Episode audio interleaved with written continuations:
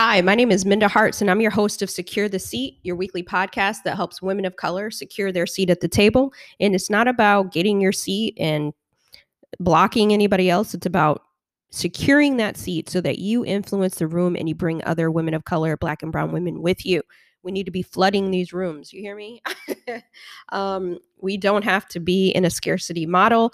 For those of you who are like, Minda, you don't put out a weekly podcast like you used to. I still do, but I do it weekly over on YouTube. I do a live version. So you can go to YouTube, put in Secure the Seat Live, and you can catch every Monday at noon. I put out a new episode and then I take certain episodes and I place them back on the podcast, which is what I'm doing today with Dr. Tiffany Jana. We have a really great conversation about inclusive language.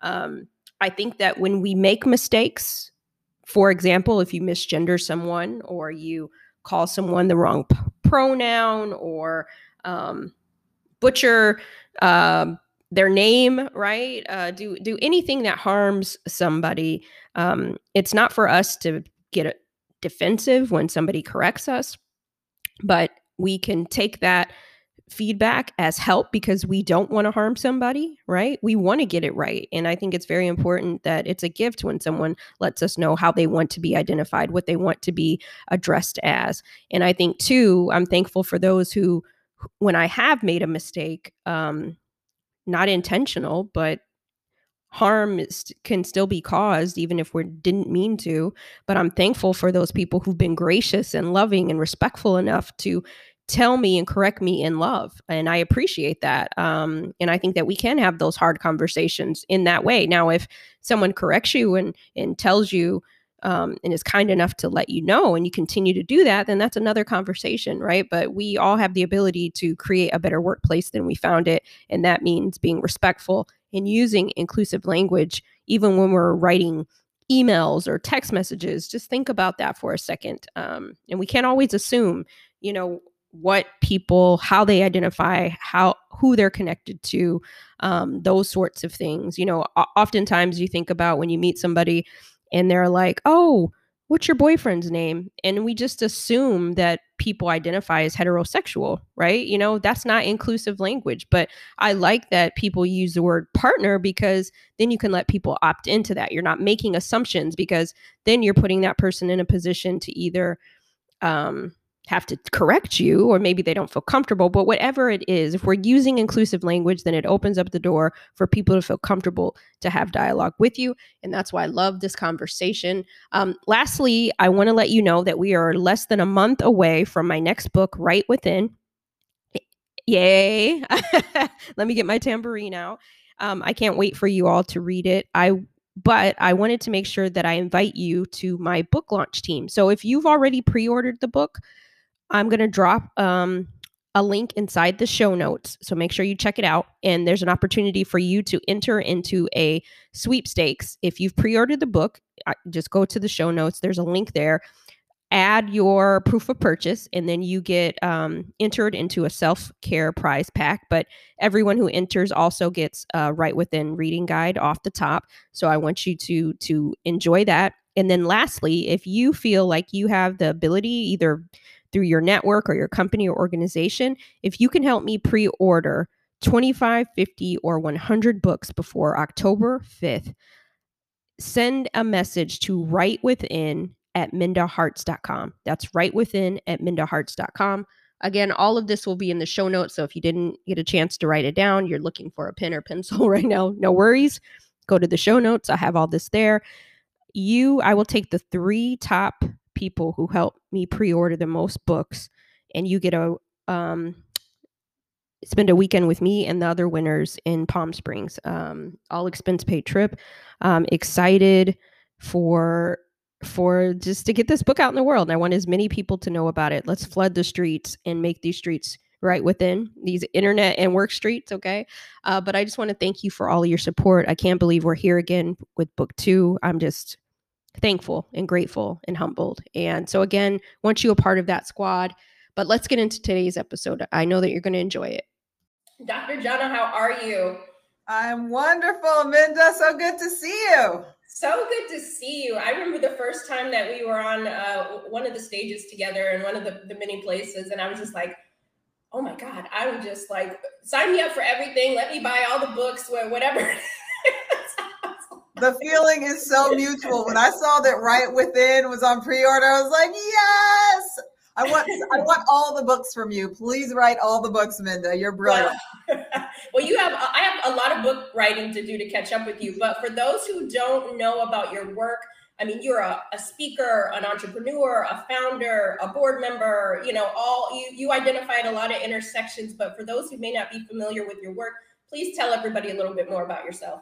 Yeah, absolutely. I identify as an awareness artist and a pleasure activist. So I am creating uh, liberation through joy. And that's something that uh, I borrow from Adrienne Maree Brown, another woman of color, another one of my favorite authors but my uh, my consulting firm is TMI Consulting, and I help organizations and institutions really uh, calibrate their diversity, equity, and inclusion in a metrics based way. So it's not abstract and just feelings, but grounded in behaviors and processes and systems and procedures that we can quantify and we can improve. And then, of course, I've authored uh, several books on diversity and inclusion, also some uh, some bestsellers and award winners. So really proud to be able to make a meaningful contribution in the world and as of you know the racial uprisings of 2020 people have really been paying attention in a big way so uh, it's really exciting to see how seriously the work is being taken at this juncture Absolutely. I, and we're going to drop your links inside of the chat so people know where to find you. Um, we dropped the um,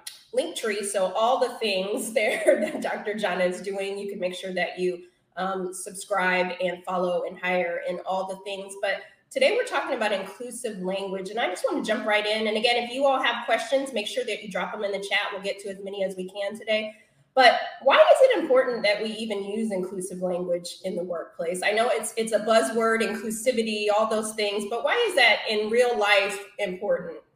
Well, I, I operate towards a greater future than the present that we're living in. Right now, we spend actually an inordinate amount of time marginalizing people. Like my last uh, my last diversity related book was subtle acts of exclusion how to understand identify and stop microaggressions. And microaggressions in the workplace are exactly that. It's the use of exclusive language and behavior that pushes people to the margins. Look like people are just trying to go to work get paid make a meaningful contribution and go on about their lives. And if you can't even feel safe and valued and welcome in your workplace while you're like what we spend more time at work than pretty much anywhere else then that can be extremely limiting and it can cause you to become sick or sicker um, and can really wreak havoc on your mental health on any underlying conditions existing disabilities etc so it's important that we make people um, feel welcome that we use inclusive language because in in the in a workplace context we're supposed to be giving the best that we can in service of a goal that's greater than ourselves. Like you said, success is not a solo sport. In order for businesses and companies and institutions and heck, societies to be successful, people need to show up as their full selves and feel safe doing that. When we use exclusive language, we force people into tiny boxes, we cause people to shrink, and we cause people to cover the identities that are that are causing other folks to marginalize them, which creates a situation where people can expend up to 80% of their energy trying to pretend to be something that they're not or hide who they are. And if you're spending 80% of your energy doing that, then how how are you producing good work? Listen, we spend so much time at work.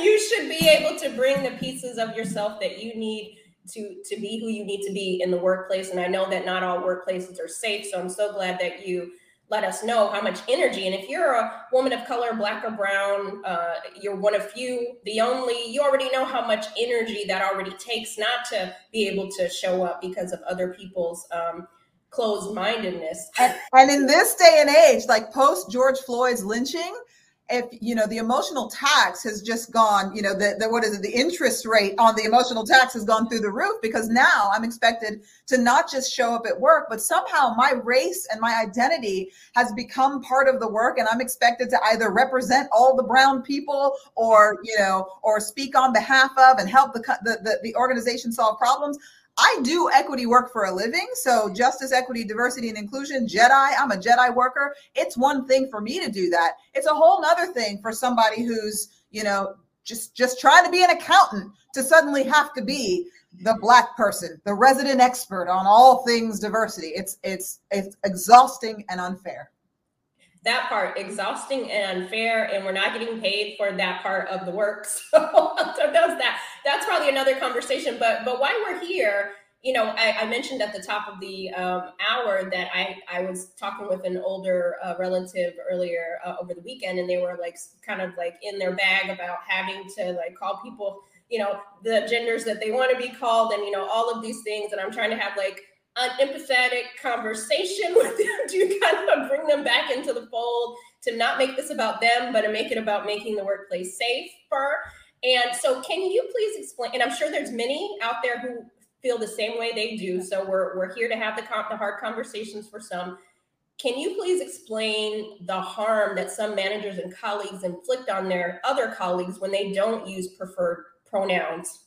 Absolutely. So it what it does is it, it, it communicates from you know from a leader or from a colleague that you really just don't matter right it's it's the same thing with with mispronouncing people's names i don't care how hard the name is you've got to learn how to say the darn thing because when you call me outside of my name and you call me outside of my gender you're saying unequivocally that i'm just not that important because like I misgender myself on a regular basis, right? I identify as they, her. My preferred really are they, them, but I'm strongly identified with Black Girl Magic and the Queen and the Goddess, and it's all good.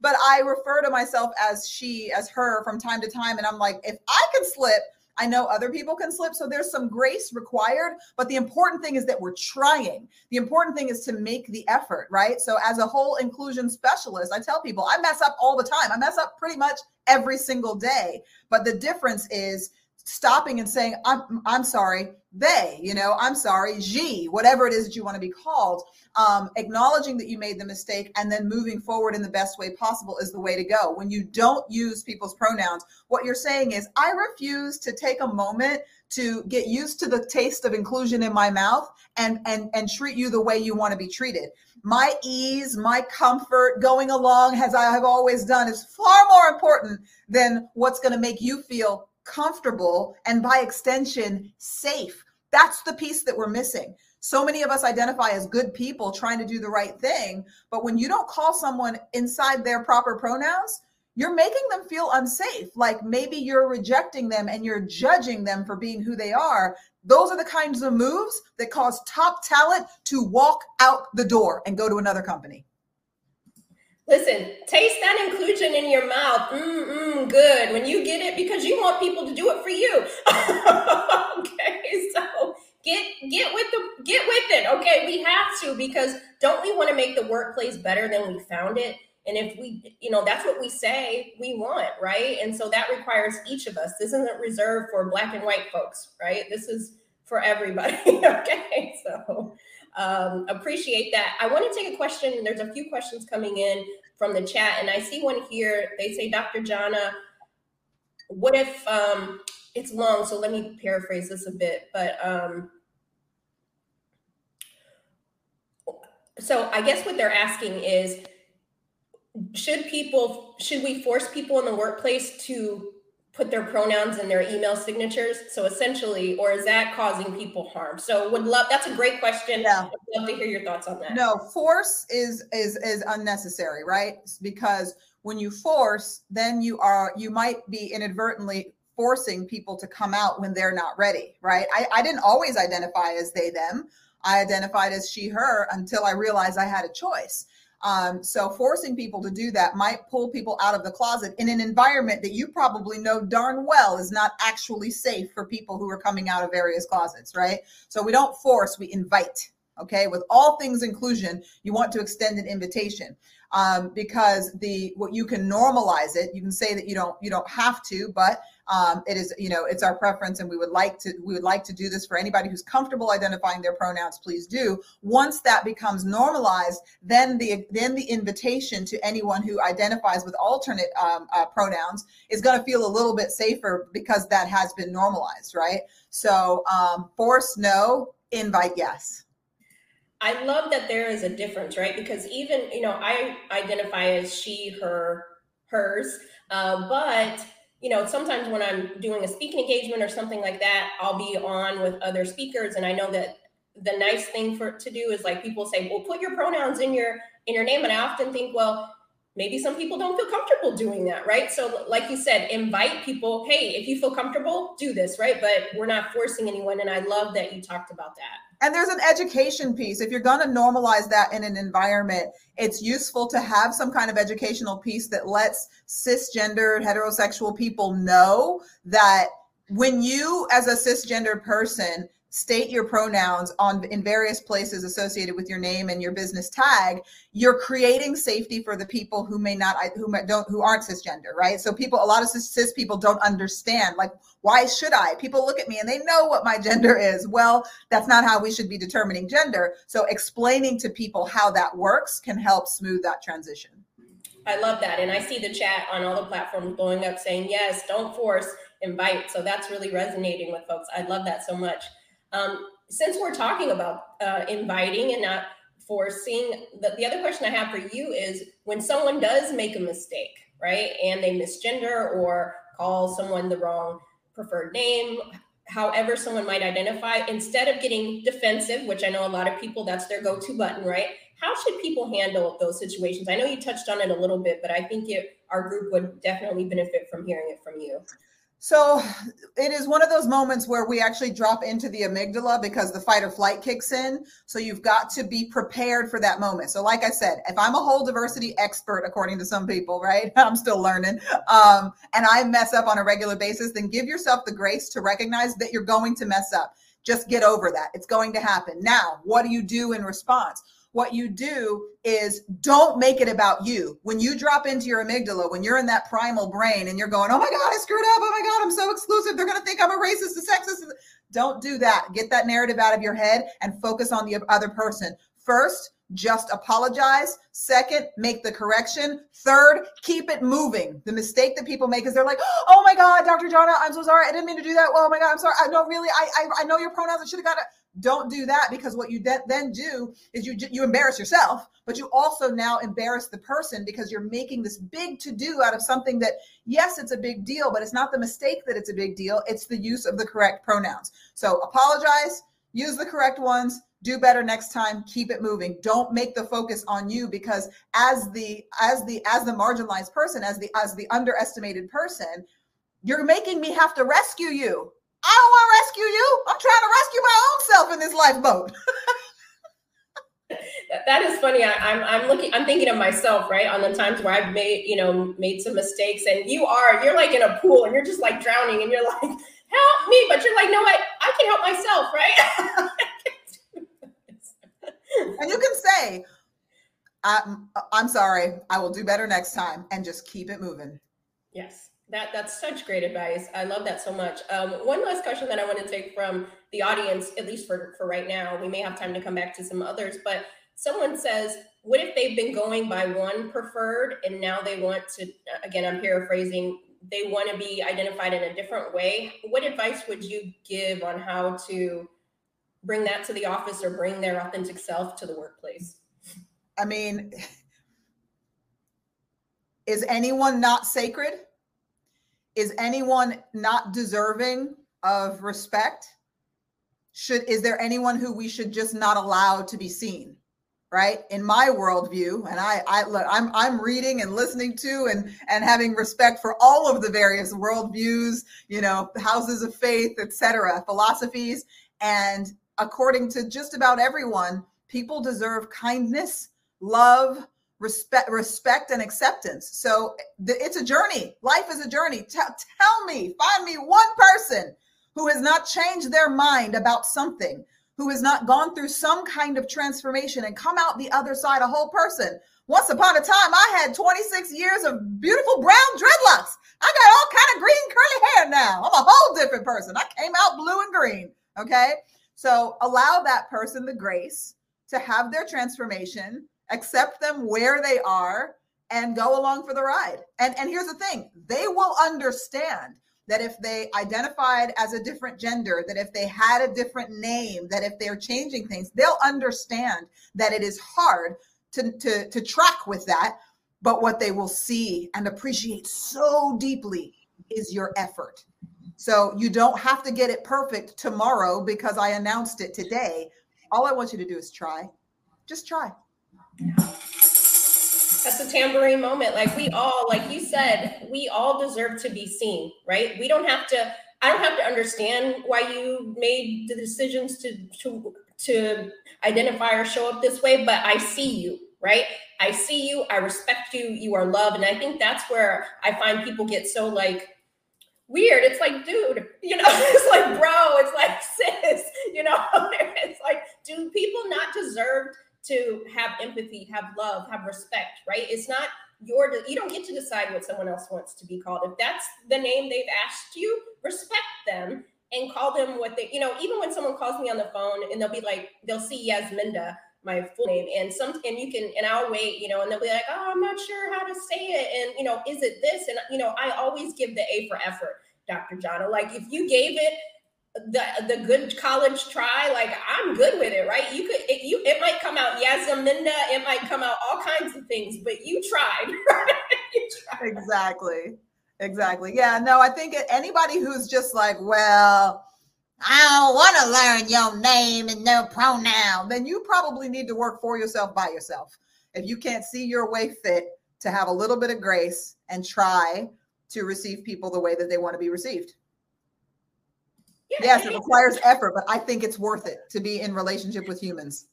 Absolutely, absolutely. And I think, you know, and if you're bothered so much by that, then you need to go in your prayer closet. You need to go in your own secret space and figure out what's really real and what's going on with you. If you can't see somebody um, with humanity, right? We don't have to be ugly and rude to people. Um, to we can be kind. So thank you for giving us that. This is rooted in kindness, right? and I love that so much. Oh, I love this so much. I know the chat is blowing up too, and they love it as well. It's that time in our show where we go into our bonus round. Um, I could have this conversation with you all day long. Um, but we all have things we still have to do today. so now um, I have to ask because I'm a lover of grits and rap lyrics, but are you a grits eater, Dr. Jana? okay, I was born in El Paso, Texas. I, I, I do I do like some grits. Uh, if they if if they have shrimp in them, I can tolerate a savory grit, but I definitely prefer them sweet. Oh no, you know we a majority of us are salt only, but it, you know I'm just gonna pretend I, I stopped hearing what you said after shrimp. I know shrimp and grits were fine there, but now I don't. I'm, I really eat mostly plant based now, so it's kind of a thing of the past. Okay, when, when, when you were eating grits, does uh, polenta count? Does polenta count? you know, adjacent. It's an adjacent. It's adjacent. it's adjacent. We'll give you that. We'll give you that. And I know that when we were talking before the show, um, that you you mostly said you listen to like meditation and sounds and so i she you have passed the the mic to me so that i get to give and i don't often get to do this i get to give my favorite favorite rap lyric so i would love for everybody um, in the chat if you've been here before then you know I love to, I ask guests to give their favorite rap lyric and why. So if you have one, drop it in the chat. But for this week, I'm actually going to go with Nicki Minaj. It's Seeing Green. There's a line she says, I am the star in any room that I stand in. I am the standout. You're just my stand in. And I like that lyric because imposter syndrome can't go where we're headed, right? When I walk in the room, I walk in the room because I belong in the rooms that I'm in. When you walk in the room, they need what you have in that room, right? So, you know, anybody questioning why I'm in a room or whatever, listen, I deserve to be here. I am the star in this room. you know, it's not in an ego way, but I belong in every room, but maybe not every room deserves to have me, right? But I am, I own that. And I hope that you will do that too, however you identify, however you see yourself. Minda, I want to say uh, my version of that is that you, I am the medicine. You are the medicine, right? When you you know it doesn't have to be egotistical when you recognize that you were put on this earth at this time to walk into these spaces and be the healing and model the strength. You are the medicine. If you don't show up as fully who you are you're only giving us a partial prescription and we need all of you in order to become the best of us.